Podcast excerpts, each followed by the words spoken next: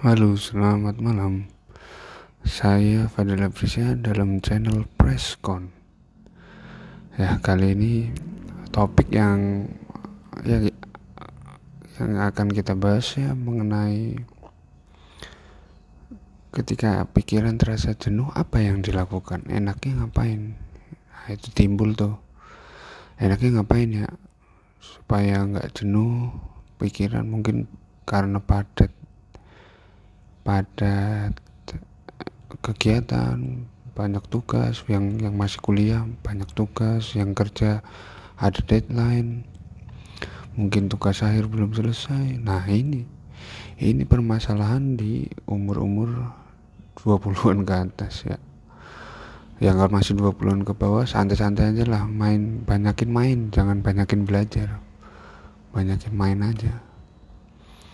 Terus gimana itu kejenuhan ya walaupun kita bisa mungkin menonton film ya untuk menonton film mendengarkan lagu itu menurut menurut beberapa orang itu adalah solusi ketika kita pada pada fase yang jenuh. Tapi apakah selesai dengan hanya mendengarkan lagu mendengarkan hmm, mendengarkan lagu, menonton film, apakah selesai masalahnya?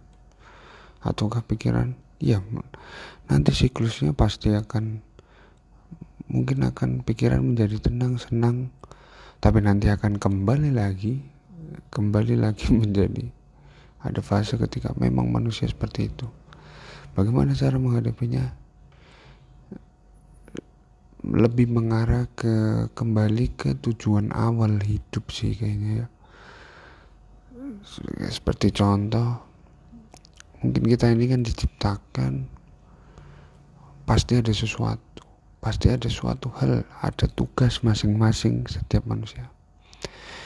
Nah ketika kita merasa jenuh dengan apa yang ini nah kita kita kembalikan kepada yang di atas yaitu Tuhan kita masing-masing bagaimana kita menjalaninya. Jadi mungkin ini suatu kejenuhan itu adalah suatu jalan menuju